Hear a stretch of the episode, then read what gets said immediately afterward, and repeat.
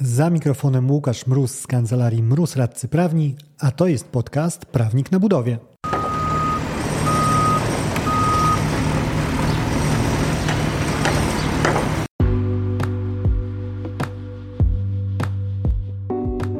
Z tej strony mikrofonu Łukasz Mróz, aka Prawnik na budowie. Ten odcinek to kolejny mikropodcast, czyli krótki strzał na konkretny temat. Regularna lektura orzecznictwa sądów apelacyjnych jest o tyle korzystna i ucząca, że sądy te jeszcze dość praktycznie podchodzą do prowadzonych przez siebie sporów o tyle, że trzymają się jeszcze sfery faktów, e, gdzie w Sądzie Najwyższym no już przechodzimy bardziej na rozmowy o prawie. I z tej sfery faktów można wyłapać cały szereg bardzo takich kazuistycznych elementów, które są do wyciągnięcia w konkretnych sprawach, w innych własnych już sporach jako argumenty za swoim stanowiskiem. I przykładem takiego bogatego w, w takie konkretne puzzle, które można pożyczyć do swojej układanki przy tworzeniu argumentacji na potrzeby sporu, e, jest wyrok Sądu Apelacyjnego w Poznaniu, niedawny, bo z wiosny tego roku jeszcze, e, dotyczący kar umownych. Trzy wątki tutaj e, chciałbym poruszyć, może nawet cztery, nie pamiętam dokładnie ile sobie odnotowałem, zaraz policzymy to wspólnie. E, pierwszy z nich to kara za nieterminowość, ponieważ to jest to przypadek taki, kiedy e, inwestor znalazł więcej niż jedno pole manewru, jeżeli chodzi o karanie kontrahenta. E, pierwsza, no, kluczowa, można powiedzieć, fundamentalna kara za naruszenie terminu. I tutaj argument o tyle ciekawy, że na trzech właściwie elementach uznał e, sąd okręgowy, a zanim sąd apelacyjny, że tą karę trzeba ściąć o połowę. E, był to brak jakiejkolwiek szkody przez te e, opóźnienie, przez nieterminowość. Tutaj wchodzić nie chcę w to, kto wykazywać i dowodzić tą szkodę powinien. Bezsprzecznie no, nie pojawiła się ona, więc tutaj nie było nawet twierdzeń takich, że jakaś szkoda była ze strony inwestora. Ponadto wymiar opóźnienia w relacji do całego czasu wykonywania obiektu. Bo było to 28 dni, co nie było znacznym okresem, biorąc pod uwagę, jak długo budowało się to, co przyczyniło się później do sporu. I element ostatni, bardzo korzystny dla e, wykonawcy, ale taki element, z którym tak czysto obiektywnie, mimo że jesteśmy po, po, stronie wykonawców w lwiej części, no trudno mi się zgodzić i z którym też sądy często się nie zgadzają, no ale o, o jaki element chodzi?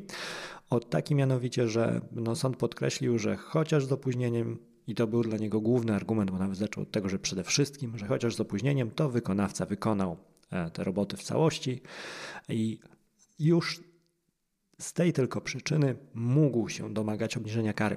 I to jest rzecz e, no, mocno, mocno prowykonawcza, ale też rzecz, na e, której obalenie jakby znajdzie się zapewne równie dużo e, podkładek orzeczniczych i przyznam, że ja bym się zgadzał z tymi podkładkami na, na obalenie, bo tam e, trafnie podkreśla się w nich, że no samą istotą kary jest naliczanie jej za przekroczenie terminu, więc twierdzenie już, że sam fakt, że coś zakończyłem e, i dlatego powinno mi się zmniejszać karę, to nie jest e, zbyt sensowny argument, pasujący w ogóle do celu tej kary, do jej idei.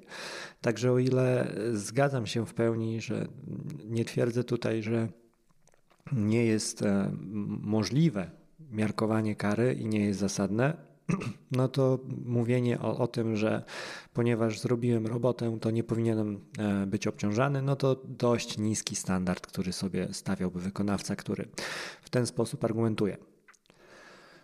Rzecz kolejna, zdecydowanie już ciekawsza i zdecydowanie bardziej e, praktyczna, no, mniej powtarzalny może scenariusz niż te kary opóźnieniowe, dlatego e, sądzę, że tutaj jeszcze większy jest ten wymiar praktyczności tego orzeczenia. E, mianowicie kwestia kary za brak przedstawienia gwarancji bankowej. I e, tutaj naliczył w niemałej kwocie całkiem tą karę inwestor, a sytuacja była taka, że wykonawca przedstawił wprawdzie dokument gwarancji, ale nie przedstawił z nim pełnomocnic, pełnomocnic przedstawicieli banku, którzy podpisali tą gwarancję. E, I przyznam szczerze, że ja sam nie praktykuję przedstawiania takiego dokumentu. Nie, też nie kojarzę, żebym spotkał umowę, która nakładała na wykonawcę, z którym pracowaliśmy taki obowiązek.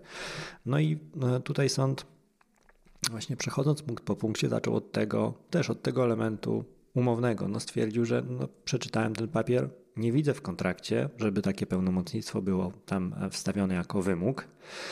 E, też e, zeznania świadków, którzy rozmawiali o tym, opowiadali, jak wyglądała procedura negocjacji tej umowy. Mówiła, że no, mówili świadkowie, że nigdy nie pojawił się taki wątek, że słuchajcie, jeżeli chodzi o te gwarancje, to też dajcie nam podkładkę na to, że ludzie podpisani na niej są uprawnieni w imieniu banku do e, wystawienia takiego papieru.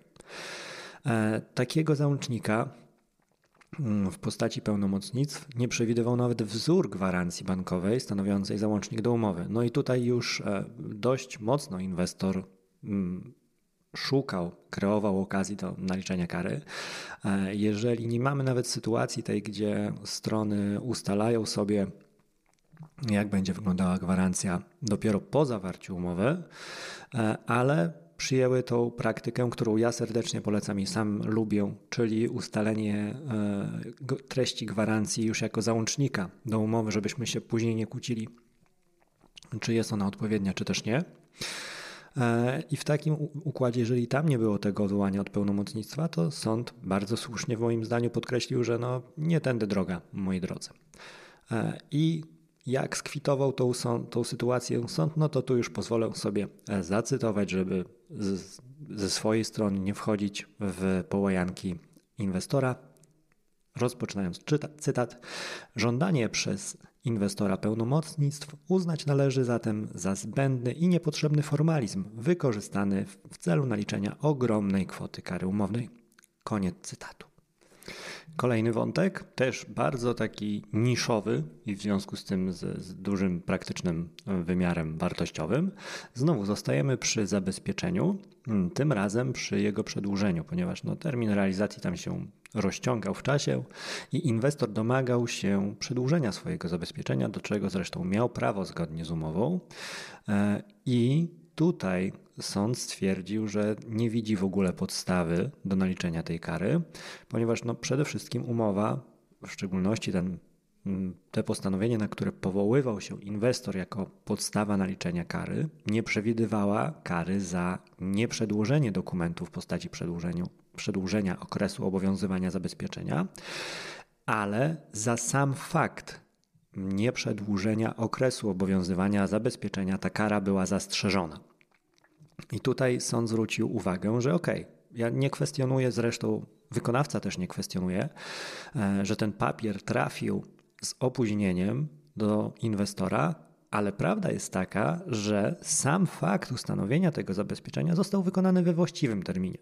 Czyli ta gwarancja gdzieś tam sobie w obrocie krążyła, tylko jeszcze po prostu nie, nie trafiła do rąk e, inwestora. Tutaj E, nasuwa mi się szczerze mówiąc e, podważające jakby ten, to, tą myśl orzeczenie z kolei dotyczące gwarancji zapłaty wynagrodzenia wykonawcy, gdzie sąd podkreślał mocno, że jest to umowa realna, czyli muszę dostać to w łapę, żeby w ogóle e, obowiązek został wykonany i w związku z tym dopiero momentem owego otrzymania w łapę można mówić o tym, że, że ten, ta strona, która ma przekazać gwarancję, wywiązała się ze swojego obowiązku.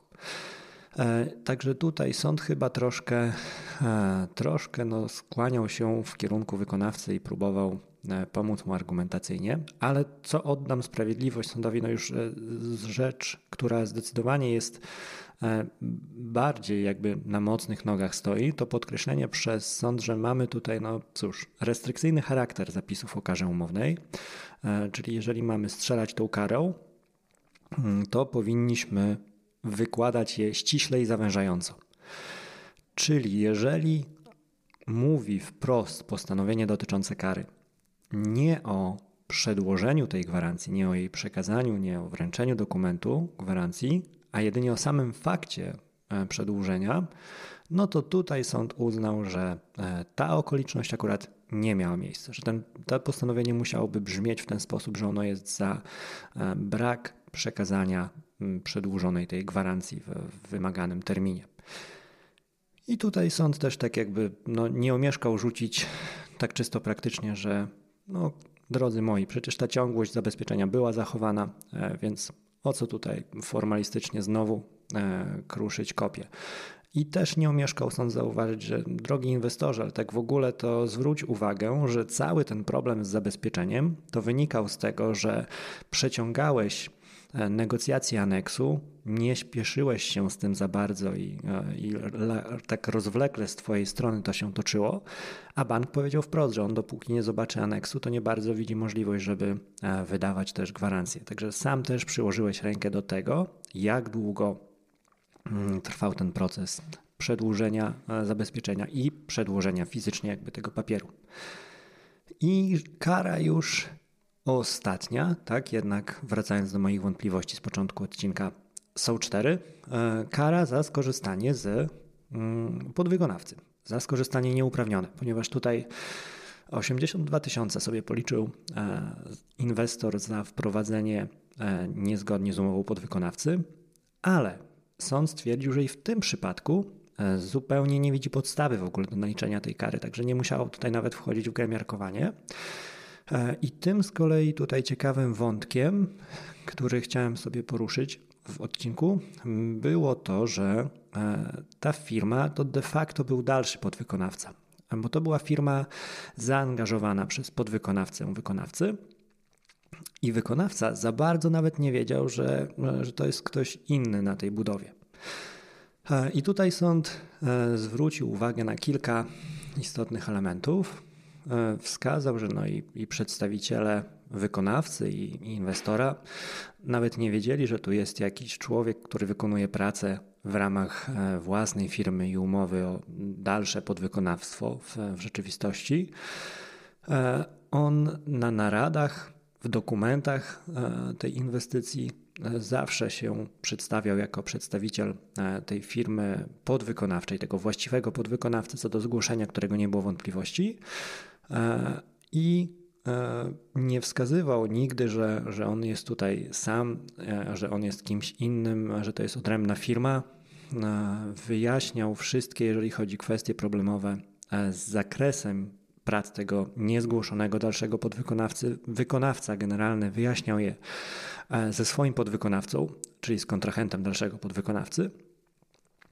I sąd przyznał, że no w świetle tego wszystkiego, e, biorąc też pod uwagę, że tego nieśmiertelnego logo własnej firmy na koszulce czy na kasku e, pracownicy tego dalszego podwykonawcy nie mieli, e, stwierdził sąd, że nie można no, z jak, jakiejkolwiek winy przypisać generalnemu wykonawcy za to, że nie wiedział, że ktoś mu się tam błąka e, z innej firmy po placu budowy. Mógł w pełni zasadnie uznawać, że to są e, ludzie jego podwykonawcy.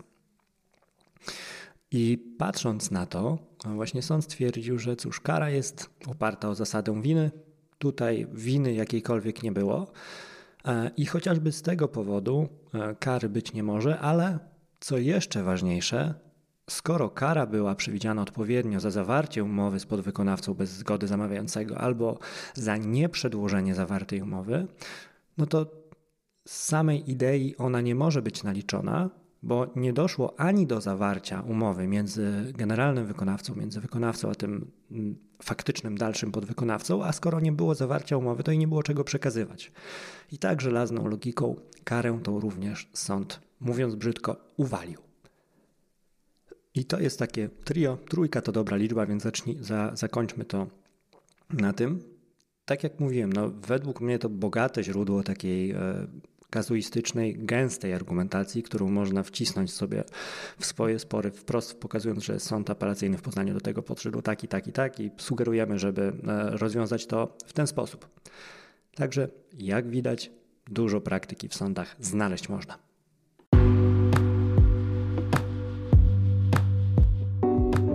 Dzięki za odsłuchanie tego odcinka. Zasubskrybuj podcast, żeby nie umknęło Ci jakiekolwiek kolejne nagranie. Znajdziesz go chociażby na Spotify, w Google Podcasts czy Apple Podcasts. Jeżeli chcesz natomiast skontaktować się ze mną, znajdziesz mnie chociażby na LinkedIn, wpisując w wyszukiwarce Łukasz Mróz, bądź też na Instagramie i Facebooku, gdzie dostępny jestem jako prawnik na budowie. W wersji bardziej klasycznej mailowo na mrozmałpa kancelariamroz.pl. Do usłyszenia w kolejnym odcinku. Dzięki za odsłuchanie tego odcinka. Jeżeli chcesz się ze mną skontaktować, możesz napisać na biuro małpa kancelariamroz.pl albo zadzwonić na 577 665 077. Znajdziesz mnie też w mediach społecznościowych. Na LinkedIn jako Łukasz Mróz, a na TikToku, Facebooku i Instagramie jako prawnik na budowie.